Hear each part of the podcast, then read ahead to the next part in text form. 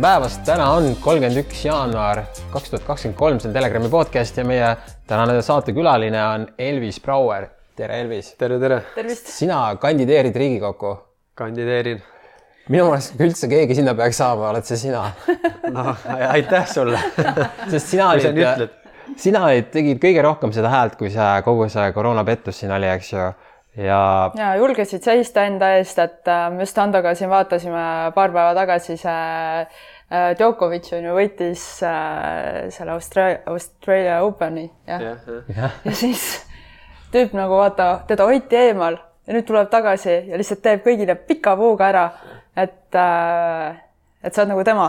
ta oli oi, oi, oi, no see on nüüd küll kõva kompliment, ma just tahtsin öelda, ma kunagi mängisin tennist küll äh, noorena päris, päris äh, mitmeid aastaid. Äh, lihtsalt siin jah, siis hiljem läksin jalgpalli mängima, aga aga, aga see selleks, Djokovic on kõva sõna mitte, et mitte, et ta lihtsalt ei võitnud, vaid ta oli täiesti omaette klass, nagu ma eile seal postituses kirjutasin ka, siis mm -hmm. mitte ükski geneetiliselt muundatud ime ei saanud äh, isegi noh, ei suutnud konkurentsi pakkuda yeah. talle minu arust, ma vaatasin ta mänge ka, et noh, klass omaette äh,. aga ei, selles mõttes ma ei ütleks, et ma küll siin kõige häälekam olin või kuidagi niimoodi, et äh, ma ei tea, saatus nägi ette niimoodi, et ma küll olin üks esimeste hulgast jah, selle esimese nii-öelda siis seitsme seas, kes seal äh, Riigikogu hoone ees nagu äh, figureeris nende plakatitega, nendele eelnõudele tähelepanu tõmbama hakkas, aga kindlasti mitte kõige häälekam sest et noh, siin on vahepeal pildist ikka väga palju äh, aktiviste nii-öelda läbi käinud, on ju, kes, kes tulnud selleks, et jääda ja kes tuli, aitas vedada korraks ja siis hiljem kadus ära, noh, kellel siin vaimne tervis andis saba ja nii edasi, et et minu arust tegelikult, kui nüüd aus olla, siis ma eile just kodus mõtlesin, et kõige ähm, suurema ja tähtsama töö ära teinud inimesi tegelikult minu arust üldse ei mainitagi ja nemad on kõige vähem tähelepanu saanud, et no ma võib-olla kasutaks võimalust siin mainida näiteks Anti Kallastet ja Liina Veskit tegelikult, kes, kes üle terve Eesti aitasid korraldada noh, oma kapitalist, vabast ajast töö kõrvalt eh, neid kogukonna koosolekuid on ju mm, -hmm. me käisime väikestes linnades, külades, kõik lavad professionaalselt korraldada, kõik need trükised, meeletud noh, raamatud, mis nad kokku panid nende persooni lugudega on ju, kus olid need vaktsiinikahjustused ja asjad, et see kõik oli nende töö ja see päädis lõppude lõpuks sellega, et no siin Antil olid unetud ööd, vaimne tervis oli juba no tõsiselt lappes, vend pani ikka edasi, et noh, müts maha nende ees, et mina justkui võiksin ka öelda, et ma tulin noh, nende poolt äh, kuvatud rambi valgusesse sinna särama, aga ma, ma, ma ei taha öelda ka, et ma sinna nagu särama tulin, me kõik tegime lihtsalt seda, mis me saime, mis meie võimuses oli nii-öelda oma osa, on ju. et ülejäänud on selle tulemus lihtsalt, et noh, kui närvikava võib-olla elu on treeninud mind selleks, et mängus kauem vastu pidada selles mängus on ju siis, siis noh, ma olen veel täna siin ja vaimse tervise juures on ju, mis. aga, aga see, et sa siin oled, kas see on võib-olla tänu sellele, et sa oled väga tugev spordimees, sa oled ju maratonidel osalenud ja sa vist olid isegi profijalgpallur või? no selles mõttes profijalgpallur äh, Eesti tasemel jah, noh mm -hmm., mul mhm. olid jah, kui nüüd sellest rääkida, mingisugused välismaa pakkumised siin olid ja Eestis noh, nii kõrges liigas, kus sa mängida saad, siis siin ma mängisin ja esindasin Eesti koondist ka mingisugune viie-kuue aasta vältel ikka. aga et, aga et maratonil üldse osaleda, et see nagu isegi läbida, lõpuni teha, see on ikkagi väga tugev ju ettevalmistus ja sa pead olema lisaks nagu füüsiliselt ka vaimselt väga tugev, et niisugune asi ära teha ju. seda küll jah, sest et noh, ta ongi ennekõike, mina ütleks nagu vaimne pingutus mm kui füüsiline pingutus, sellepärast et noh, keha hakkab ju mitte ainult see maraton, no Ironmani, triatlonid, võitlussport, kõik on sama, on ju, et esimese asjana sa hakkad valu tundma, on ju, aga mis sellest valus, ainus asi, mis sellest valust jagu saab, on ju tegelikult sinu vaimne pool, on ju. sa pead vaimselt valust üle saama, aru saama ja suutma endale teadvustada, et see on ellujäämismehhanism ja minna mm -hmm. sinna sisse ja hakata seda valu kütusena kasutama.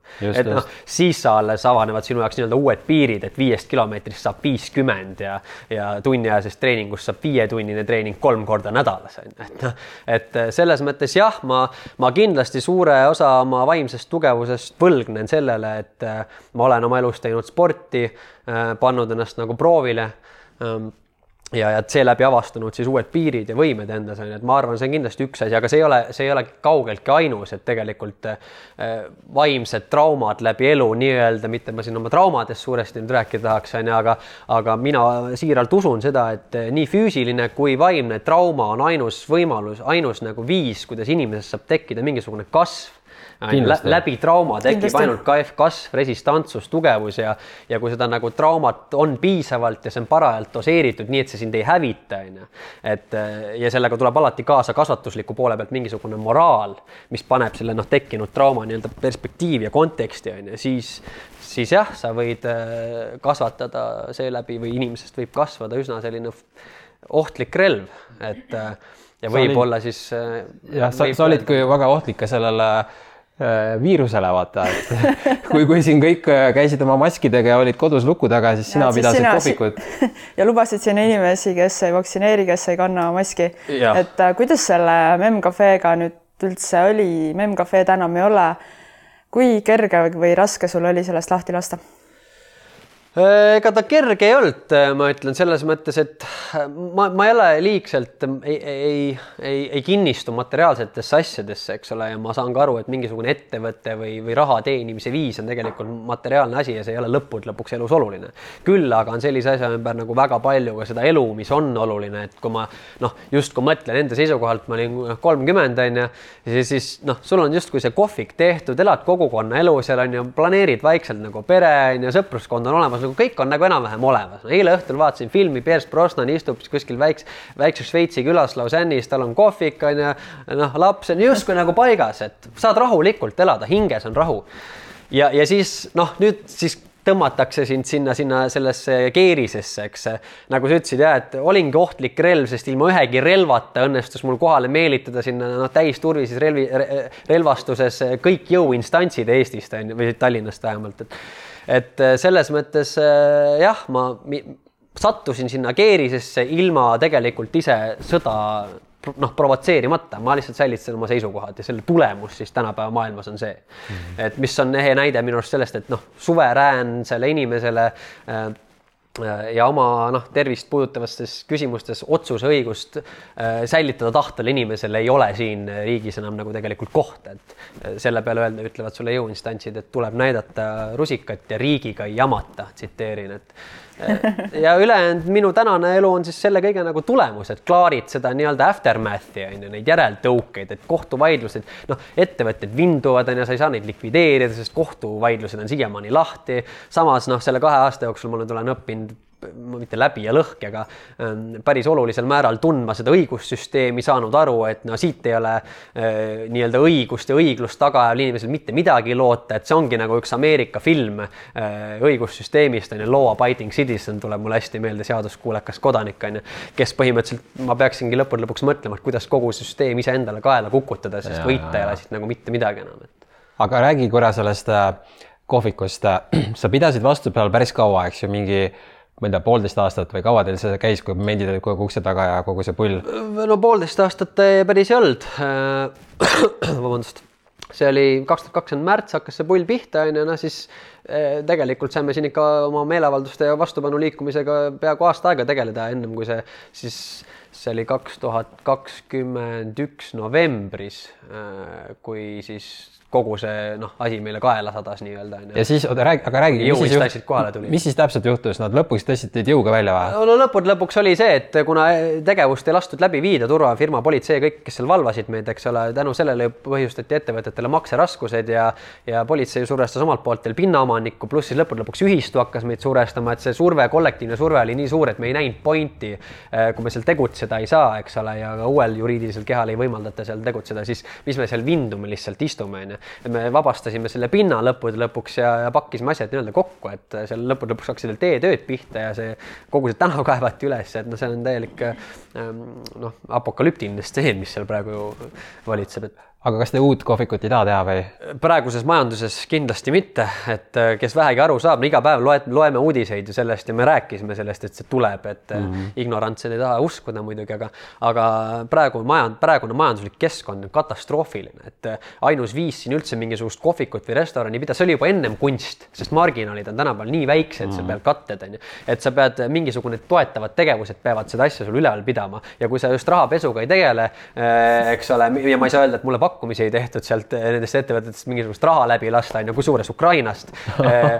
et siis eh, no lihtsalt nii oli, noh, et siis, siis ei ole midagi teha, sa pead pillid kokku pakkima, sest et sinu püsikulud, sisendite hinnad on nii kalliks läinud, on ju, et sa pead selle raha küsima oma tarbijatelt lõppude lõpuks, aga kui tarbija palk ei tõuse järgi, ka tema ei saa osta üheksa eurost croissant'i su käest.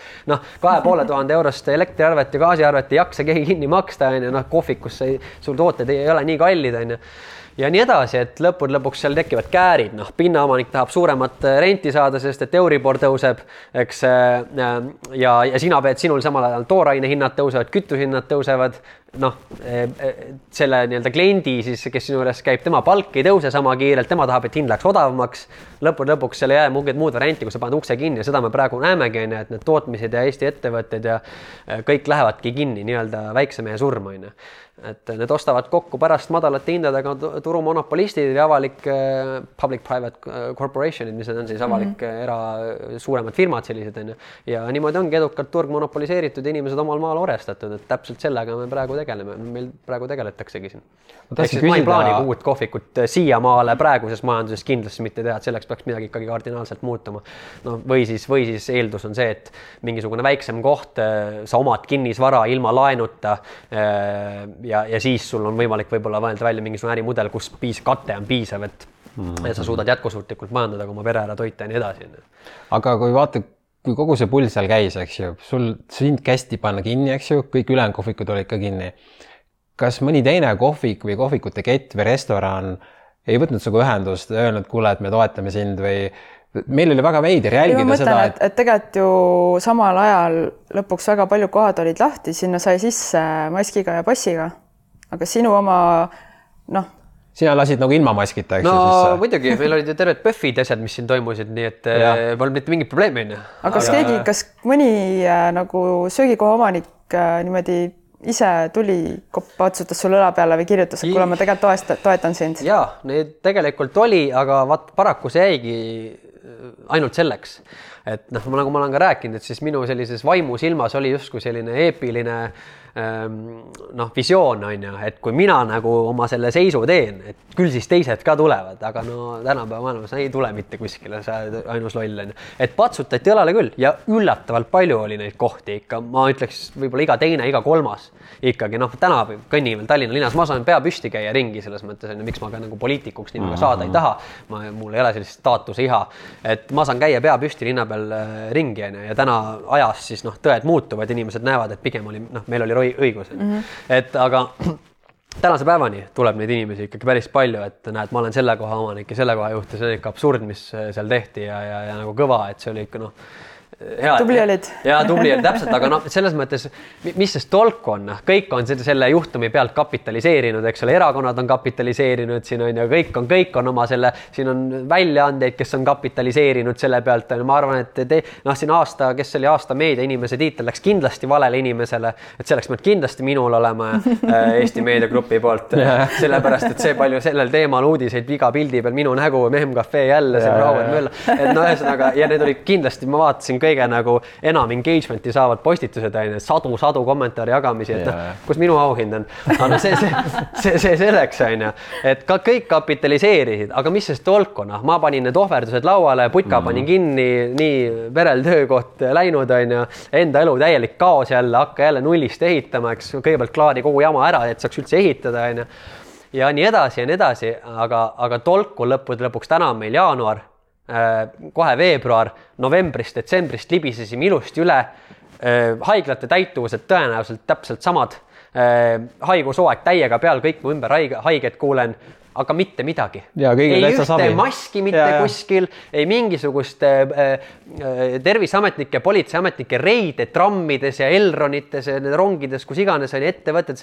ja, ja nüüd ma saan siis samal ajal mõne nädala pärast siin võib-olla kohtuotsus, et ma olin ikkagi süüdi ja kõik oli korrektne. et nagu, kas te nagu ei näe vastuolu kuskil inimesed, ma ütlesin ka Facebooki postises seal kirjutasin, et nüüd kõik te inimesed, käige nende maskidega onju, miks te ei käi maskidega, mina seisan oma tões siiamaani.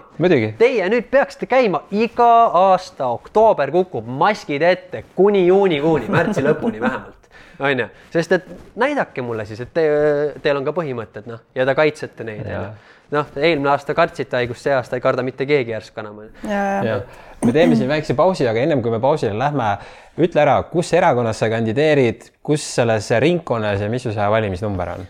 Äh, mina kandid-, mina kandideerin äh, Põhja-Tallinna piirkonnas ehk siis noh, Põhja-Tallinna piirkonna alla läheb äh, Riigikogu valimistel siis Haabersti, Kristiine ja, ja Põhja-Tallinn. Ja valimiskandidaadi numbrit äh, ma ütlen seda ausalt, ma ei teagi. ma olen äh, erakonna sees järjekorra number kuus ja mu nimi on Elvis Brouer, nii et. jah, et kui te lähete valima, siis öelge, et hääletan Elvist, küll nad ütlevad, leiad selle numbri sulle ülesse. jah, numbri leiab igaks juhuks, et ma. see oli Telegrami podcast'i esimene plokk praegu Elvisega, et teie kõik, kes te jagate seda saadet oma timeline'il, siis te võite võita selle kastitäie magneesiumivett, mille välja pannud lumiorav ah,. ja siis, kui sul joppab, siis sul on võimalik ka saada David Icke'i raamat äh, Lõks, mille välja pannud Reval Puhh, ehk siis äh, jaga seda podcast'i oma Facebooki ajajoonel ja võib-olla õnn naeratab ükskord ometi ka sinu uksele I miss you.